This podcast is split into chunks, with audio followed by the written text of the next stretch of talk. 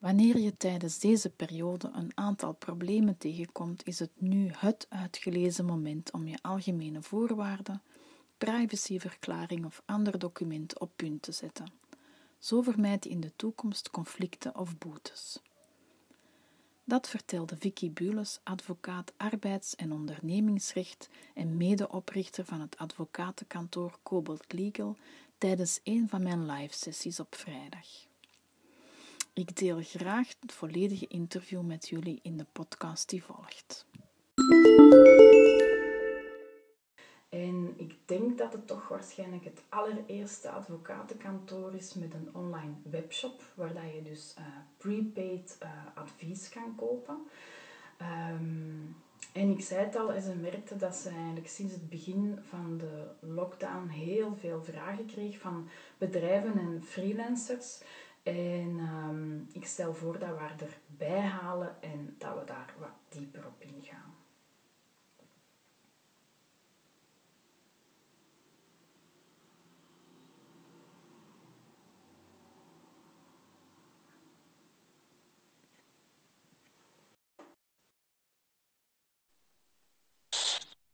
Hey, ah, hallo. Dag iedereen ook. Ik zie jullie niet, maar ik weet dat jullie mij zien. Ja, ja, ja. We zien en horen u goed. Ik heb de introductie ook gevolgd, dus dat was al heel leuk. Het is een heel leuke kennismaking met die live sessies voor mij. Ja, ja, ja, ja. ja. Ik ga nog één dingetje tussendoor um, zeggen voor de kijkers, Vicky. Want ik heb deze keer eigenlijk de commentbox uitgeschakeld. Mm -hmm. Want anders heb je zo al die tekst op je gezicht en ik vind dat eigenlijk niet zo vervelend om daar zelf ook uh, naar te kijken. En je bent dan gemakkelijk afgeleid door wat de mensen eigenlijk uh, schrijven in de comments. Maar um, moest je nu nog vragen hebben als je aan het kijken bent, je kan eigenlijk via de Q&A, dus de vragen uh, sticker die daar van onder staat, dat is zo dat um, stickertje met dat vraagtekentje in, daar kan je je vragen in droppen. En ik zie die dan binnenkomen en ik kan die aan uh, Vicky stellen, zodanig dat zij uh, daar een antwoord op kan geven. Voilà. Okay, super. Vicky, um, ja, ik zei het al, hè, je, hebt, uh, je bent oprichter van advocatenkantoor Cobalt Legal. Um, gespecialiseerd in arbeids- en ondernemingsrecht en ja. complexe juridische vragen, vertelde je mij. Uh, maar wat dat je mij vooral, allee, wat mij vooral was bijgebleven bij onze kennismaking, is dat je vertelde dat jullie een webshop uh, hebben. Um, hoe ben je daarbij gekomen? Want dat is toch, denk ik, niet echt uh, gangbaar in jullie nee, zeker en vast niet gangbaar. Um, ik moet zeggen, ik ben nu het 21, 21ste jaar advocaat. Um, en ik heb wel die evolutie gezien naar puur, puur klassieke advocatuur. Heel um, ja, hiërarchisch opgebouwd nog, uh, zware adviezen, uh, marmeren inkomhallen. Hè, dus wat je klassiek verwacht van een advocatenkantoor. Een enorme um, uh, afstand tussen cliënt en advocaat ook wel. Waarbij dat de cliënt nog altijd wat redeneert vanuit de positie van ah, in een dorp heb je een dokter, een advocaat en een burgemeester en er moet op een of andere manier naar opkijken. Wat ik nooit begrepen heb, maar dat, dat speelt nog bij heel veel mensen. Um, en dan is een advocaat die dan daar zit als het alwetend orakel, hè, want je kent dan alle wetboeken zogezegd van buiten. Hè. Dus die klassieke advocatuur heb ik zien uh, evolueren, zeker de laatste vijf, zes jaar, naar toch wel een beroepsgroep die ook mee wilt en die ook snakt naar innovatie en naar verandering. Mm-hmm. Um, alleen zijn wij geschoold vanuit regeltjes en vanuit heel conceptueel denken. En is het voor veel advocaten moeilijk om die switch te maken naar het inzetten van technologie en het uh, aanbieden van uw diensten op een andere manier. Ja. Um, wij zijn er eigenlijk al mee bezig. Ik kan dat niet te lang vertellen, maar gewoon dat je het kunt schetsen. Um, wij zijn er al mee bezig van 2013, toen we een website gelanceerd hebben, ontslagadvies.be. Waar dat we gewoon, um, we hadden handboeken geschreven over ontslagrecht in ons kantoor. En we hebben gewoon al die informatie gratis op het internet gegooid, op een laagdrempelige manier. Um, de orde stijgende toen eerst van oei, we gaan toch niet gratis advies beginnen geven. Dat is, klopt niet met ons verdienmodel. Ja, ongezien. Um, ja, gaandeweg is daar toch een, uh, een stijlbreuk in gekomen en zijn ook meer en meer advocaten en ook zelfs de orde van advocaten zelf daar enthousiast over geworden en beseft echt heel die beroepsgroep dat het anders uh, kan en anders moet. Mm. Um, en heb je dan ook een verschil gemerkt dat mensen toch meer of makkelijker naar jullie toe kwamen? Ja, uh, zeker en vast. Als je leert als advocaat om dingen laagdrempelig uit te leggen, hè, dus helemaal weg van dat academische en van die, die vaak adviezen dat je krijgt van advocaatkantoor, zijn nog altijd qua opbouw een beetje wat uit die, die uh, boeken uit die rechtsleer komt. Ja, ja. De rechtszoekende heeft dat denkkader niet en die weet niet, ah, mijn probleem, ik zeg maar iets bijvoorbeeld, um, ik ben een uh, zwangere werknemster en ik word ontslagen. Die werknemster die zit gewoon met haar probleem, maar die weet niet, ah ja, in het uh, wetboek hoort dat onder de ontslagbeschermingen. En die zijn ja, ook ja. Dus je moet leren als advocaat, denk ik, om dat op een heel menselijke manier uit te leggen. Ik denk altijd dat ik het aan mijn bom aan het uitleggen ben. dat is een goede parameter. Um, en dus het is vanuit die betrachting dat we dachten, goh, zeker nu met die... Um, we zijn er al aan het werken van voor de crisis, maar zeker nu is het moment om het te lanceren. Um, omdat mensen in lockdown zitten en je kunt dus kwaliteitsvol juridisch advies perfect verpakken en aanbieden uh, online, zonder dat je per se echt die uh, die one-on-one moet hebben of dat maatwerk nodig hebt. Um, wat het ook veel goedkoper maakt. Hè? En dat vind ik ook wel een, een belangrijke betrachting. Ik wil ja. van die klassieke advocatuur ook op dat vlak. Hè? Zolang dat ik duur blijf, ben ik niet toegankelijk voor heel veel rechtszoekenden en die tijd is voorbij. Hè? Er is veel informatie online sowieso beschikbaar voor iedereen. Het is alleen natuurlijk waar vinden kwaliteitsvol advies. Hè? Dus dat is nog altijd heel moeilijk. Maar het kan en wij willen bewijzen dat het, uh, ja. Dat het is. En waar kunnen ze dat dan vinden online? Dat is gewoon de naam van ons kantoor, .online. Dus Cobalt. Legal aan elkaar, .online. Hij is nog wel in opbouw, waarmee dat ik wil zeggen, de, de site op zich is klaar, maar wij gaan elke week nog nieuwe uh, templates, uh, EHBO-pakketten. Dat is een beetje ja. een, een, naam dat we bedacht hebben voor bijvoorbeeld een, een bedrijf, een ondernemer die je geconfronteerd wordt met een werknemer die vertrekt en voor zichzelf begint, maar op basis van de klantenlijsten en alle, alle zakengeheimen. En heeft hij natuurlijk een enorme concurrentiële voorsprong. Dat is een probleem dat vaak voorkomt. Ja. Dat wij dan in een box gegoten, waar dat je dan de checklist, de ingebrekenstellingen, alleen je stappenplan, alsof dat we je handje vasthouden, maar dan in een box. Ja. Voor natuurlijk een veel lager tarief, omdat ik niet one-on-one moet werken en dat aan verschillende nee. mensen kan aanbieden. Dus op die manier proberen we een steentje bij te ja, volledig zelf. Uiteraard zijn we nog beschikbaar. Ja. Uh, je kunt ook zelf een afspraak boeken online met ons, ook via videochat of via mail. En na lockdown is iedereen terug welkom natuurlijk, op ja. kantoor. Maar dit is ook heel comfortabel. Dus je kunt altijd nog welkom voorbij vragen, maar je hebt een advocaat niet meer nodig voor van A tot Z. En je blijft ook uh, heer en meester een beetje van je eigen situatie, die dat je zelf uiteraard het beste kent. Mm -hmm. Ja. En vertel eens welke vragen heb je nu bijvoorbeeld zo gekregen? Uh... Goh, um, heel veel vragen wel, maar ik denk dat dat voor u kijkers misschien iets minder interessant is. Maar heel veel vragen wel over de maatregelen, dus de mm. tijdelijke werkloosheid. Ja. Maar dat gaat dan meer over eh, bedrijven met een bepaald personeelsbestand. Ik heb begrepen dat jij heel veel freelancers, heel veel creatieve ja, uh, mensen in uw, ja. in uw kijkersbestand hebt. Um, dus heel veel vragen over die tijdelijke werkloosheid wel. Um, je hebt online heel veel goede info gekregen, maar dan zit achter een bureau en dan stelt zich de vraag, oké, ik heb tien man, wie zet ik in tijdelijke werkloosheid? En dan is bijvoorbeeld de uitdaging of de verleiding groot voor te zeggen, ja, ik heb er drie aan betenten, ik zal die aanpakken. Dus zo van die vraag, hoe pakte dat aan? Daar hebben we veel vragen over gehad. Dan ook wel telewerk. Heel veel bedrijven, dat was een minderheid van bedrijven die um, pakt een, een 20, 25 procent, die al één uh, ik kan zeggen tussen de ene keer per maand en ene keer per week, in de uitzonderingen uit twee dagen per week, al telewerk hadden. Maar het gros van ons uh, bedrijven hadden dat helemaal niet.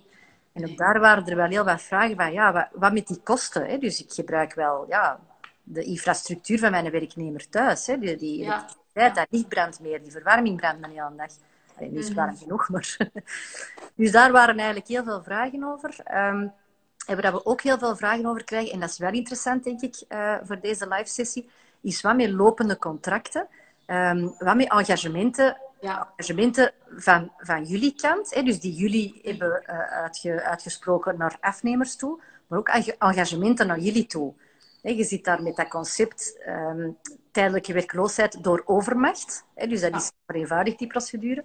Waardoor dat heel veel mensen ook denken dat corona gewoon overmacht is en dat dus alles kan en mag in contractuele verhoudingen. Um, ik kan jullie al direct geruststellen, dat is niet zo. Ja, Daar is wel wat meer over te zeggen dan, uh, oké, okay, die virus uh, is hier een, een waiver. Um, dus daar krijgen we heel veel vragen over, omdat mensen, en zeker kleine ondernemers, uh, KMO's, maar zelfs hey, freelancers en, en, en eenmanszaken, ja, wel het mis op de keel krijgen. Ze hebben niet dat sociaal vangnet. Ja, ik blijf maar babbelen, hè, Anne. Je moet mij onderbreken. Nee, nee, nee. nee. Water, water. um, dus die, die hebben niet dat sociaal vangnet van, van werknemers. Die hebben die tijdelijke werkloosheid niet. Maar die rekeningen moeten ook betaald worden. Ja. Dus daar krijgen we heel veel. Ik ben ook blij dat we die vragen krijgen, want daar kunnen we echt wel helpen. Allee, dus ja. Je moet dat probleem niet laten beschimmelen totdat je ja, met je bank moet gaan praten, dat gewoon echt niet meer gaat. Je moet dat nu aanpakken. Um, en een beetje terugkoppelend naar wat ik net zei over die, die webshop. Um, Zo'n zaken staan nog niet online. En daar moet ik nog verder conceptueel over nadenken of dat, dat haalbaar is. En, allee, dat zal waarschijnlijk wel komen, maar dat is er nog niet. Um, maar ook daar is die laagdrempeligheid belangrijk. Mensen hebben dat probleem nu. Mensen hebben niet de budgetten voor, ik weet niet hoeveel aan advocatenkosten te betalen, maar moeten wel geholpen worden.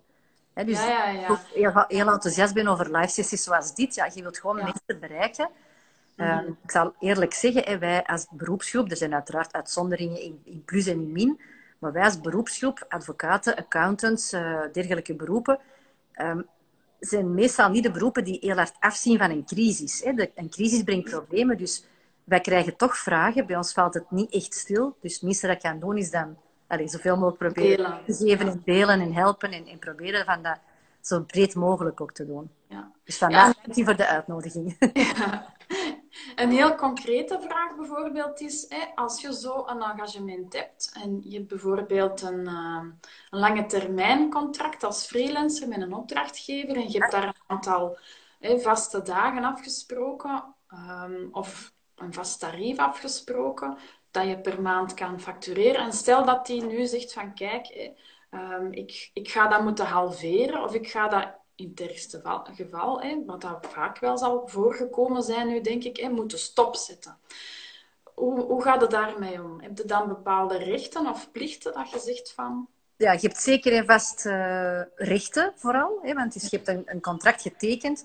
Je moet het altijd zo zien, dat is een, belangrijke um, basisregel dat je in je hoofd moet hebben, gewoon in, in het handelsverkeer, als je contracten sluit van welke aard dan ook.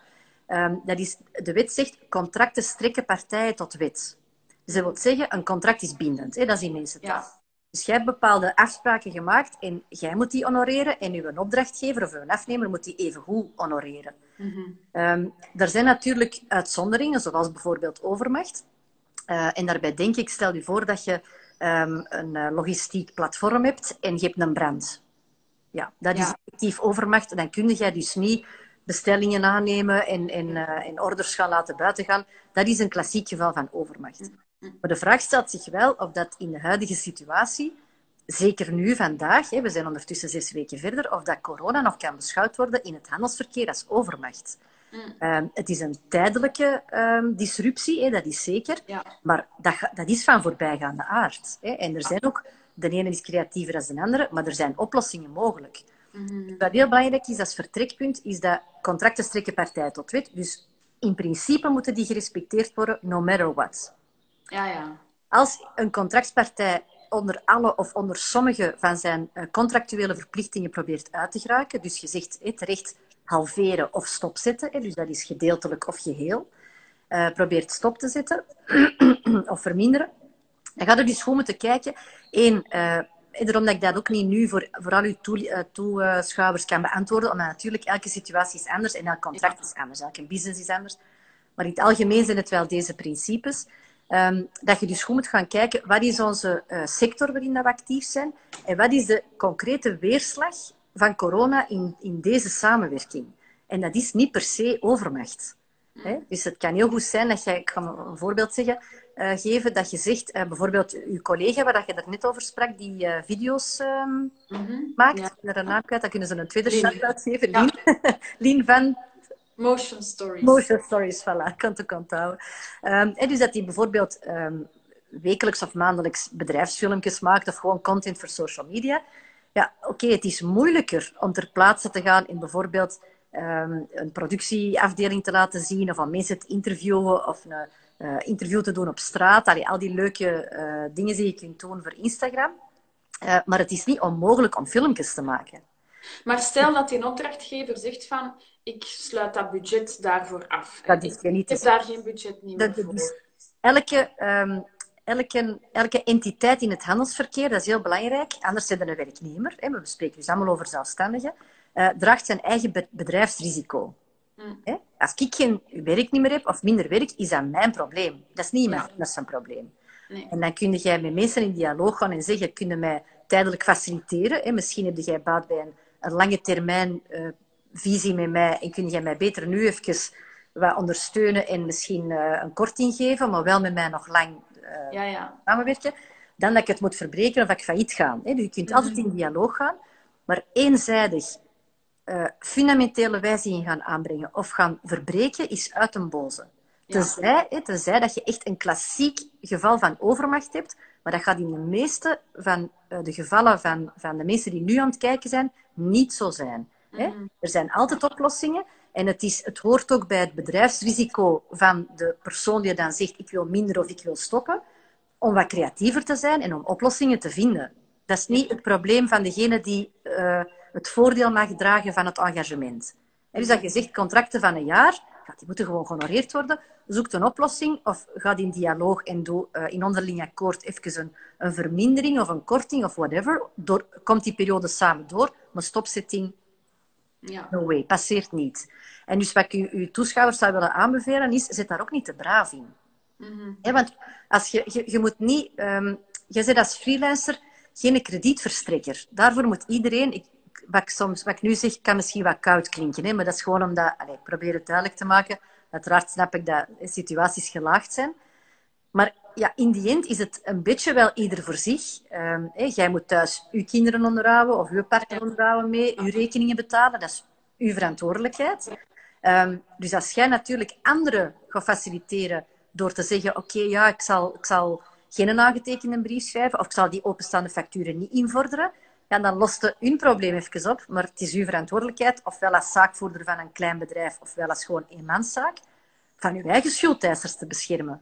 Ja. Ja. Dus je moet dat niet nu laten liggen totdat de corona bijna Voorbij. is en dat je met een gigaprobleem zit en dat het eigenlijk niet meer op te lossen is. Je moet dat nu doen. Je staat in je recht en je moet dat nu aanpakken.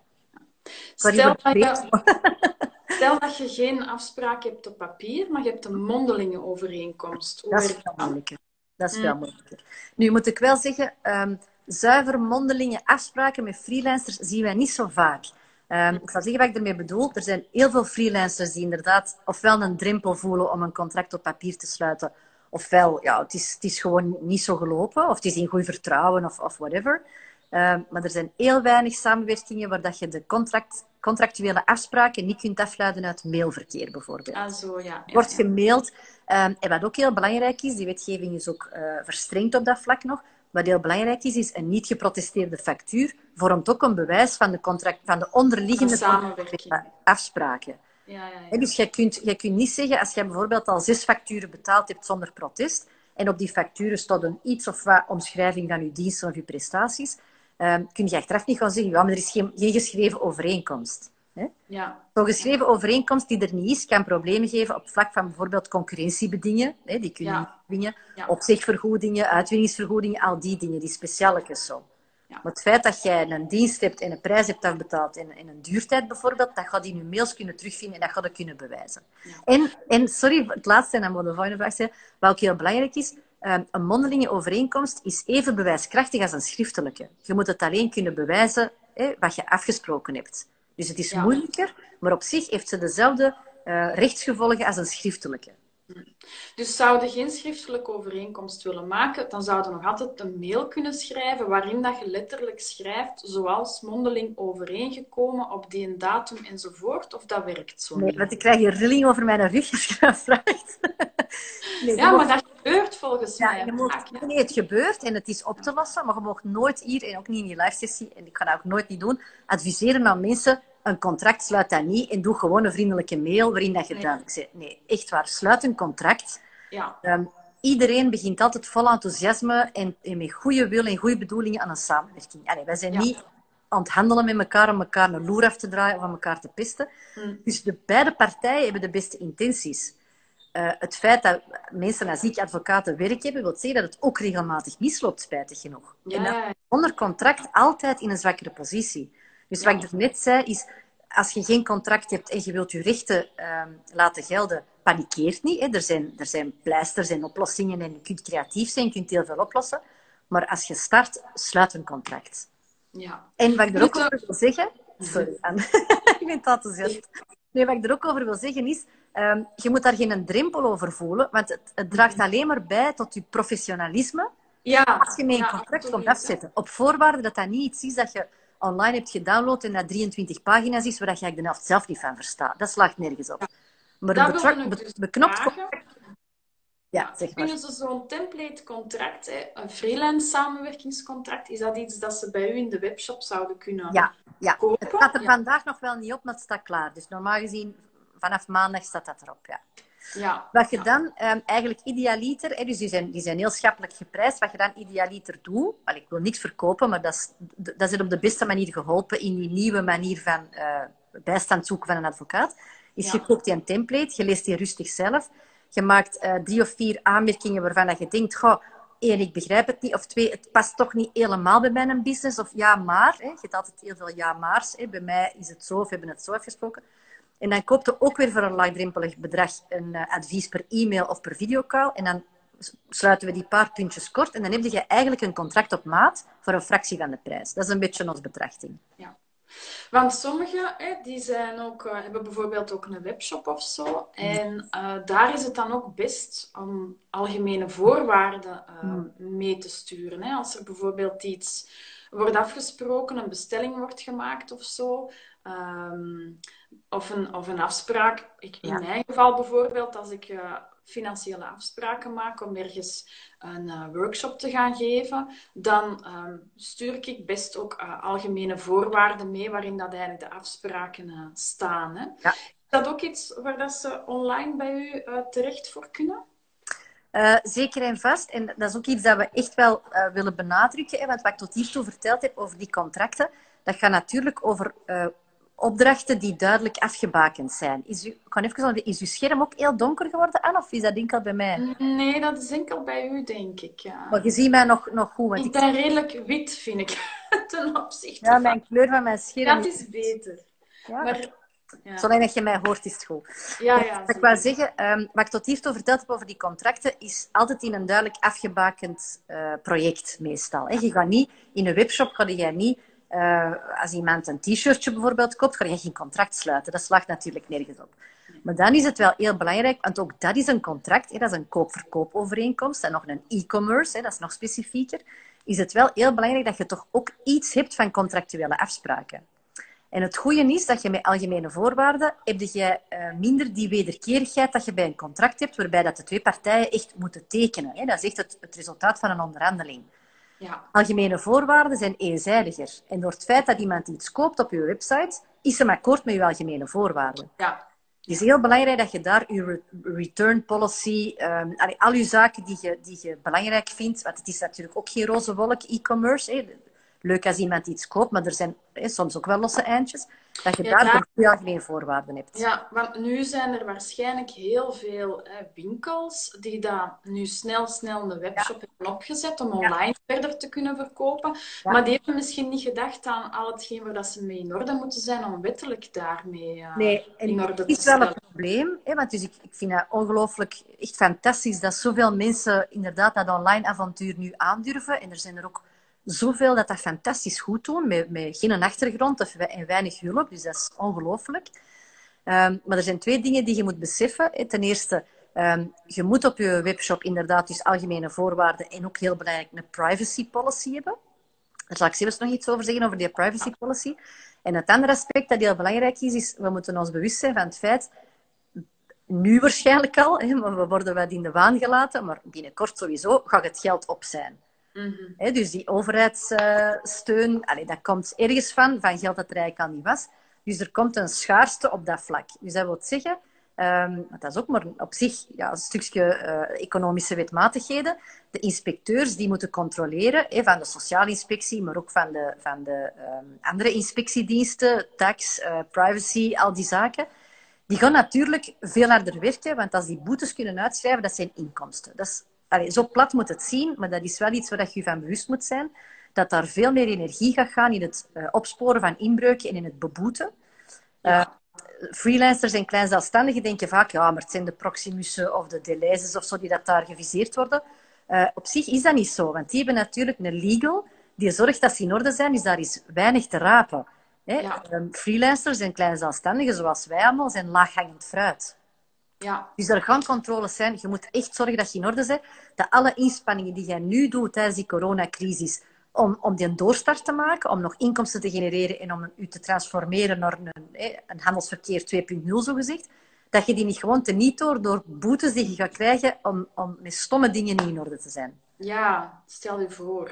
Ja, en dus wat je zeker wat moet doen, is dus ten eerste die algemene voorwaarden, dat is heel belangrijk. Maar er gaat er niet voor beboet worden als je die niet hebt. Dus dat is meer in, in je handelsverkeer zelf, dat je daar heel veel baat bij gaat hebben als je erop kunt terugvallen. Um, maar je privacy policy moet op je website staan. En, er moeten bijvoorbeeld um, elke webshop, of toch de webshops die ik tot hiertoe gezien heb, um, verwerken persoonsgegevens. Je verzamelt mm gegevens van je klanten. Um, en om, om service te kunnen geven, verzamelen zelfs redelijk veel. Soms zelfs een geboortedatum, alleen zeker telefoonnummer, e-mailadres, soms zelfs een rijksregisternummer. Alleen je weet nooit, dat weet ik veel wat voor, sector is. Um, sommige webshops gaan daar redelijk ver in. En vanaf dat jij dus persoonsgegevens verwerkt, moet jij wettelijk aan een aantal vereisten voldoen. Hè, zoals, jij moet uitdrukkelijke toestemming krijgen. Jij moet uitleggen uh, waarom dat jij die gegevens gaat verwerken en bewaren. Jij moet uitdrukkelijk laten weten dat het even simpel zal zijn om, om uh, to opt-out, noemen ze dat, als to opt-in. Dus dat je heel gemakkelijk kunt uitschrijven, dat je gegevens kunt laten aanpassen, verwijderen. Allee, al die zaken, ik ga nu niet te veel in detail treden. Maar dus als dat niet op je webshop blijkt, als jij dus persoonsgegevens verzamelt in je eh, Shopify of whatever, en jij kunt niet aantonen dat je die consent van die mensen gekregen hebt, ja, dan krijg je een boete. En er zijn dus al heel veel boetes uitgeschreven aan, aan, zeer, aan, bloemenwinkels en zo. Hè. Ja, dus dat is dus voor die GDPR-voorwaarden. Uh, ja, GDPR-compliance heet dat, ja. ja. Dat, dat, klinkt zwaar, dat is op zich allemaal niet zo, niet zo ingewikkeld, maar je moet het wel hebben. Ja, ja dat was twee jaar geleden uh, ongeveer, denk ik, hè, rond deze periode dat we daarmee in orde zijn. Uh... Ja, en het probleem is dat um, dat is ook een beetje commerce. Dus elke keer als er een wetswijziging is, zo de anti-rookwetgeving of nu weer GDPR of, of whatever, of de uh, wet wendbaar en werkbaar werk, dan vliegen daar een, een, heel groot aantal partijen op, sociaal secretariaten, accountants, advocaten, omdat daar natuurlijk, ja, daar zit adviesmogelijkheid in en dus mogelijkheid om, om uh, business te doen. Dus met die GDPR zijn wij zo rond ons oren geslagen met informatie, waardoor dat iedereen ook een beetje verlamd is geraakt. Want dat lijkt zo'n beest, die GDPR, dat, er, dat we zien in de praktijk dat er heel veel mensen gewoon niet aan durven beginnen. Hmm. Terwijl, allee, het is echt geen kernfysica, je moet dat gewoon even uh, aanpakken. Dat hoeft ook allemaal niet zoveel te kosten en niet zoveel tijd in beslag te nemen, maar je moet het hebben. Ik kan niet harder benadrukken als je moet ermee in orde zijn, zeker nu.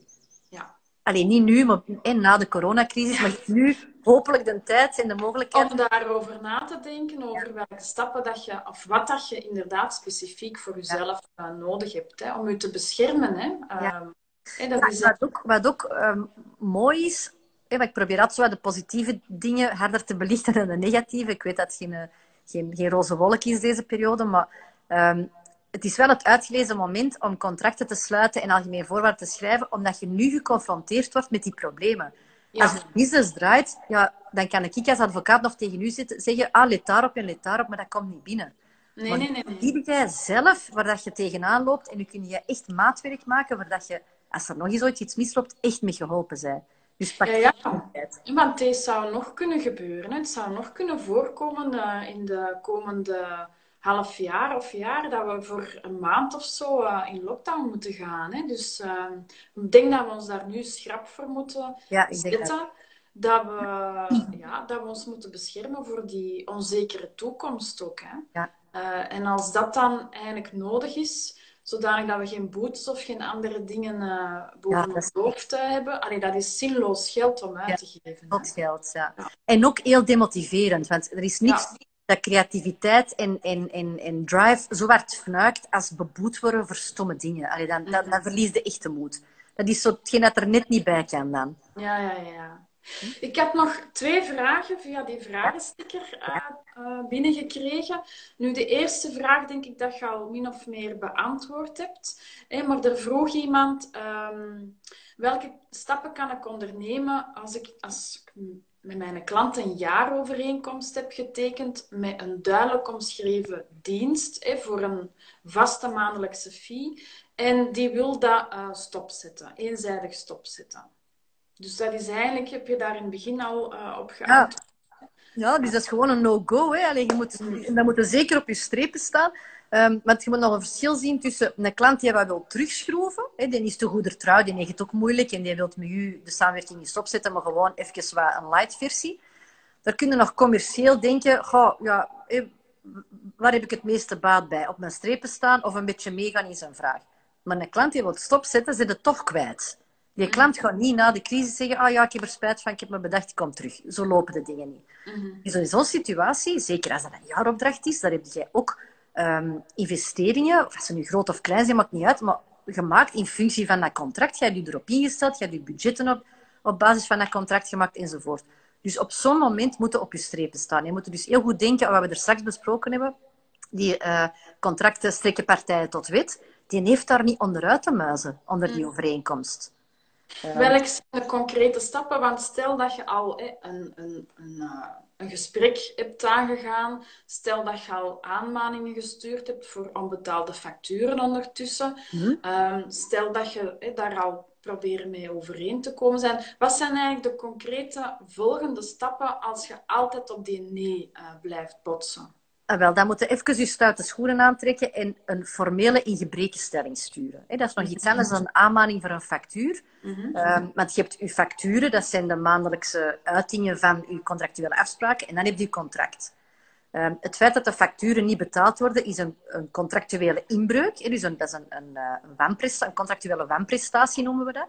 Maar als er zo een aantal zijn, waardoor het dat een, grote contractuele wanprestatie wordt, dan moeten we dus een ingebrekenstelling gaan sturen om de puntjes op de i te zetten voor dat contract. En wat je in zo'n ingebrekenstelling zet, is dat je dus um, vaststelt dat de contractuele afspraken niet worden nageleefd. En als dat aanhoudt, dat jij dus uh, juridische maatregelen zult nemen, waarbij dat jij um, de ontbinding van de overeenkomst zult vragen aan een rechter ten laste van de andere partij. En in dat geval zal de rechter gaan kijken, uh, hoe gaan we die, uh, die schade dan, dat er uh, geleden wordt, hoe gaan we die vergoeden? Um, als het gaat over contracten voor onbepaalde duur, dan gaat men meestal gewoon naar de schade kijken. Hè. Dus als men vaststelt, ah, die contractuele wanprestatie is een fout en er is schade, kausaal verband is er natuurlijk sowieso wel in, in uw voorbeeld, um, dan gaat men gewoon die schade gaan vergoeden. Maar als dat bijvoorbeeld een duidelijk omschreven afspraak is of een, of een uh, contract van bepaalde duur, ja, dan zou de rechter ook perfect kunnen zeggen, gewoon tot einde looptijd betalen. Spijtig. Ja. Ja. En daarom is het ook heel, heel belangrijk om specifiek geval per geval te gaan bekijken. Is er nu overmacht of is het gewoon van, ja, het is wat moeilijker en ik wil knippen waar dat kan. Dat moet je niet toelaten. De verbinding valt een beetje weg opnieuw. Oei. Heb je iets gemist van wat ik gezegd heb? Ja. Ben ik terug? Af en toe weg. Want ik heb wel goede verbinding, zie ik hier. Ja. Nee, ik zie bij u inderdaad... Heb, wat heb je niet meer gehoord aan? Ja, je viel af en toe wat weg in uw laatste zin. Ah, oké. Ik kan dat even hernemen, hè, want anders heeft die persoon dat die vraag gesteld heeft een onvolledig antwoord. Hè, dus wat ze vooral moet doen, is nu dus die formele ingebrekenstelling opstellen, waarin dat ze zal zeggen, uh, kijk, ik stel vast dat jij die en die en die facturen niet betaald hebt. Ik voel ook van u geen, geen voorstel of geen engagement. Uh, of misschien is er zelfs al uitgesproken dat ze willen stoppen. Um, dan zeg je dat ik beschouw dat als een contractuele wanprestatie. Um, dit is een laatste aanmaning om te regulariseren, dus om, om, om het contract te respecteren. Doe je dat niet, dan ga ik gerechtelijke stappen zetten. En die gerechtelijke stappen gaan er dan mogelijk zien bestaan dat je zelf de overeenkomst laat ontbinden en dat je de, de schadevergoeding gaat innen via gerechtelijke weg. Ja, ja, ja, dat is duidelijk. Een tweede vraag die dat er gesteld werd, um, is wat met een order die op maat geproduceerd werd, die dat, uh, zo goed als uh, klaar stond voor verzending. Er was ook een afspraak om dat vooraf uh, te betalen. Dus alles was vooraf ook al betaald om een bepaalde korting te kunnen toekennen. Was betaald? De, de, betaald. hè? Ja, en op het moment van de lockdown en het begin van de crisis um, verandert die klant van idee en annuleert alles. Ja, alleen. Ja, maar die, zeggen dat gaat niet. Eigenlijk met goederen die op maat geproduceerd zijn. Ze zijn betaald. Uh, ja. Ja. Ja, dat is eigenlijk het probleem van die afnemer dan. Ja. Dus jij moet dat niet terugstorten. Um, je moet dat alleen doen als je dat wilt. Als je nu een andere klant hebt uh, voor datzelfde order. Hè. Stel je voor dat je het toch aan de man kunt brengen. En je kunt met die eerste klant iets afspreken van oké, ik laat, uh, ik laat 70% vallen. En je kunt het voor volle prijs verkopen aan iemand anders. Oké, maar dat, dat is ja. ook waarschijnlijk niet het geval. Ah, spijtig. Corona is lastig voor iedereen. Allee, opnieuw, dat klinkt heel koud. Hè. Ik, ik, hoop dat ik dat niet moet zeggen tegen die persoon dat het dat niet kan afnemen. Dat is natuurlijk ongemakkelijk. Maar ik spreek nu voor degene die die vraag heeft gesteld. Ja, dat gaat niet. Mm. Dat contract is duidelijk, dat contract is bindend, dat contract is bevestigd. Dat blijkt uit, allee, ontegensprekelijk uit die betaling. Er zijn geen opmerkingen gebeurd, die goederen zijn goed. Ja, je kunt dat niet annuleren. Dat is zijn probleem, dat hij ze dan na de crisis toch maar probeert te verkopen. Ja. Ehm, en wat je altijd moet uh, blijven communiceren, dat is wel belangrijk, uh, dat mag per mail, uh, de goederen zijn hier ter uw beschikking. Ja. He, dus dat er nooit die kan zeggen, ja, maar gaat mijn goederen achter. Ah, ja, ja, ja. Die zijn hier ter uw beschikking. Uh, en daar moet u uh, gerust verschuilen achter dat zo'n adagium. Uh, schulden zijn haalbaar, niet draagbaar. Dus de persoon dat de vraag gesteld heeft, moet eigenlijk niet die goederen gaan brengen. Nee, de andere moet ze komen halen. Mm -hmm. Dus eigenlijk zou ik me daar niet te veel zorgen over maken. Houd je geld bij en... Ehm, ja, ik krijg hier net een berichtje binnen. Ehm, de afspraak was om ze vooraf te betalen, maar ze waren toch nog niet vooraf betaald. Daar vrezen ik wat voor. Ja, daar vrezen ik wat voor. Waarom ik het er juist dubbel vroeg, want meestal zijn ze niet betaald. Dat is het probleem. Nee, dan moet het echt hard spelen. Ik weet niet wat over veel geld gaat, maar op zich zelfs over weinig geld. Ik moet dat niet over u laten gaan. Dan moet je echt dezelfde soort van formele ingebrekenstelling sturen, waarbij dat je eist dat dat, dat, dat betaald wordt. Uh, het moeilijke is, en dat is altijd met legal, um, ik kan je in zeven talen uitleggen wat je moet doen. En je gaat dan, in, in dit uh, geval ga je waarschijnlijk ook voor een, een ondernemingsrechtbank je gelijk halen. Maar een steen kun je niet vullen. Hè. Daarmee bedoel ik, als het geld er niet is, is het er niet. Dus je moet altijd, als je zoiets zet, moet een kosten-buitenanalyse maken. Eén, wat kan mij dat opbrengen als ik dat, contract laat afdwingen? Uh, twee, hoe groot is de kans op uh, mij gelijk te halen? En drie, kan ik dat ook daarvan invorderen? Kan ik die, die persoon of dat bedrijf effectief dwingen tot betaling? En daarvoor kun je, en dat hoeft ook niet zo super duur te zijn, kun je contact opnemen met een gerechtsdeurwaarder en kun je eens vragen, doe eens een solvabiliteitsonderzoek. He, dan kun je inschatten, ja, als die al RSZ-schulden heeft en zijn BTW niet betaalt, en, ja, je moet zien dat je bovenop je order dat je dat niet zou innen, niet nog eens 10.000 of 15.000 euro kosten maakt voor iets dat je niet gaat kunnen invorderen. Nu, hier in dit geval gaat het over een buitenlandse klant, hè, want ze zijn eigenlijk een kledingmerk. Um, dus ja, veronderstel ik dat dat dan tussen de landen onderling ook niet evident zal zijn. Nee, wat je, wat, het nadeel is dat je dan bijna niet zonder een advocaat kunt. Omdat een advocaat dan zijn collega in dat land kan aanspreken en aansturen. En dat je daar toch wat tempo in houdt. Als je als rechtzoekende zelf ik zeg maar iets, het zal dan waarschijnlijk Portugal of Turkije of zo zijn waar dat geproduceerd wordt. Als je daar zelf een advocaat moet zoeken of een, een deurwaarder stappen of naar de rechtbank, dat is bijna niet aan te beginnen. Dat is goed als het over een order van, van 150.000 euro gaat, maar nee, kans van het 10 is het niet in die grootorde. Dus dan is daar bijna niet aan te beginnen alleen. Dus dan staat er sowieso voor die kosten. Dus dan is het nog eens dubbel zo nuttig om te gaan kijken, ja, zitten die, die persoon of dat bedrijf dat niet betaalt op het randje van een faillissement of sava dat je, hoe erg dat het ook is van je order dat niet te kunnen innen, je moet altijd zien, ja, kosten baten, dat je niet meer geld nog kwijt bent. Dat dan is een ja, ja. put. Hè? Ja, ja, dat is inderdaad altijd een afweging ook. Hè? Ja, ja. Maar dus naar de letter van de wet moet je betalen, moet je afnemen. En ook het menselijk aspect uh, speelt daar natuurlijk ook in mee. Hè? Want uh, geld is één ding, maar ja, je hebt ook soort van klantenrelatie en een vertrouwensrelatie. En dat is dan ook vaak iets dat, uh, dat meespeelt in je beslissingen. Hè. Maar ik ga... Uh... maar daar wil ik eens even iets over zeggen. Um, ik ben, ben privé als persoon ook heel uh, conflictmijdend en, en nogal zacht. um, maar een freelancer en een zelfstandige of een kleine KMO moet in zijn zakelijke relaties dat toch wel leren wat minder te zijn. Mm dat menselijke, het is altijd respect goes, both ways. Ja. een order dat geannuleerd wordt nadat je dat geproduceerd wordt, dat is gewoon een flagrant gebrek aan respect. Mhm. Ehm, en dus die, die loyaliteit niet in een richting laten gaan. Want nogmaals, je hebt bijvoorbeeld dat je zaakvoerder bent, heb je ook gewoon een wettelijke verplichting om de belangen van je schuldeisers, je bank, je, je, ehm, fabrikant, je, je, stoffenleverancier en zo verder, te vrijwaren.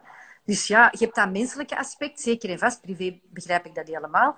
Maar er gaat niemand allez, een bedrijf mee uitbouwen met dat menselijke aspect. Dus respect en dan kun je meegaand zijn. Maar als je echt tegen je schenen stampen, op je strepen staan. Ja. Sorry voor het belerende. Super. Nee, nee, dat is, dat is, ik vind dat kei interessant, omdat dat ook, gelijk dat jij zegt, allee, dat is redelijk. We zijn daar allemaal nogal, hè, we weten wel kleine beetjes en ditjes en datjes, maar eigenlijk weten we daar nooit niet uh, tot op de letter alles van hoe dat het moet hè, om, ons, om onszelf te beschermen. En dat is iets wat ik hier wel uit wil meenemen, is van ja, hè, Uzelf beschermen is heel belangrijk. Vooruitdenken. Uh, niet alleen denken aan wanneer dat goed gaat, uh, maar ook denken aan wanneer dat kan misgaan. Um, en dan ja, algemene voorwaarden, een samenwerkingscontract, privacyverklaring, GDPR. Dat zijn de vier dingen dat ik hier vandaag onthoud. En, en, ten laatste, dus niet in uw underdog-positie zitten als nee. minister of, of zelfstandige. Op je streep nee. staan als het nodig is. Voilà, en dat toont ook uw engagement en uw professionaliteit dan op die moment. Ah, voilà. eigenlijk verwacht. Ja. Een, een, klant of zo die zegt, uh, oei, gaan we zo beginnen? Gaan we met een contract afkomen? Ja, niet om beginnen. Nee. Dat, dat is al geen goede geen goede basis. Ja. Goed, ik krijg nog een vraag binnen, zie ik hier. Ik ga even kijken. um, het is met een bedanking. Straffe madame, zegt hem. maar ja, tof. Dankjewel. Dus, uh, maar uh, voor de kijkers die nu uh, nog vragen zouden hebben of zo, dan kunnen ze u contacteren via de website cobaltlegal.online. Ja. en daar vinden ze uw gegevens. Ja, mijn e-mailadres en ja. Het is niet omdat je ons een mailtje stuurt dat er ineens een dossier wordt aangelegd of zo. Hè. Dus de, als, als betrachting van uh, verlagend. Jullie zitten ook op Instagram, hè? Cobalt Legal ja. is daar de ja. accountnaam. Hè? Ik heb van u nog veel te leren over mijn uh, Instagram-account, maar I'm trying. Ja, ik heb u uh, DM gestuurd hè, voor uw ja, profielpagina. Ja, lief. Ik kan ermee aan de slag. Dat is goed. Merci Vicky dat je erbij waart vandaag. Super graag gedaan. Dat is echt heel tof. Heel, ja. heel tof. Ik hoop dat mensen iets, er iets aan gehad hebben. Zeker en vast. Oké. Okay. Elkaar hopelijk snel in dicht keer, hè? Ja, bij een glasje rosé, zeg, want het is zomer. Ja.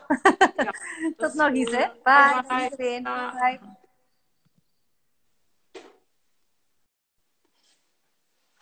Voilà, uh, dan zijn we aan het einde van de live sessie van vandaag.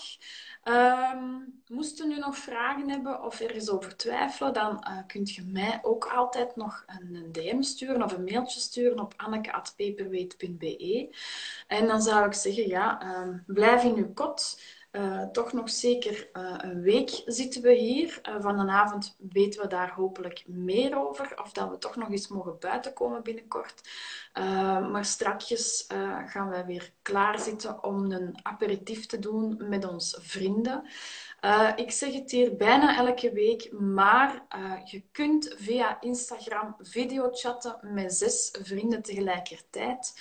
Uh, je doet dat door een chat aan te maken. Je zet al je vrienden daarin waar dat je mee wilt chatten. En in plaats van te schrijven, drukt je bovenaan op het camera-icoontje. Zo simpel is het. Leg je waar nog rap goed voordat iedereen binnenkomt en geniet ervan. Bye bye, we zien elkaar volgende week terug. Tot dan!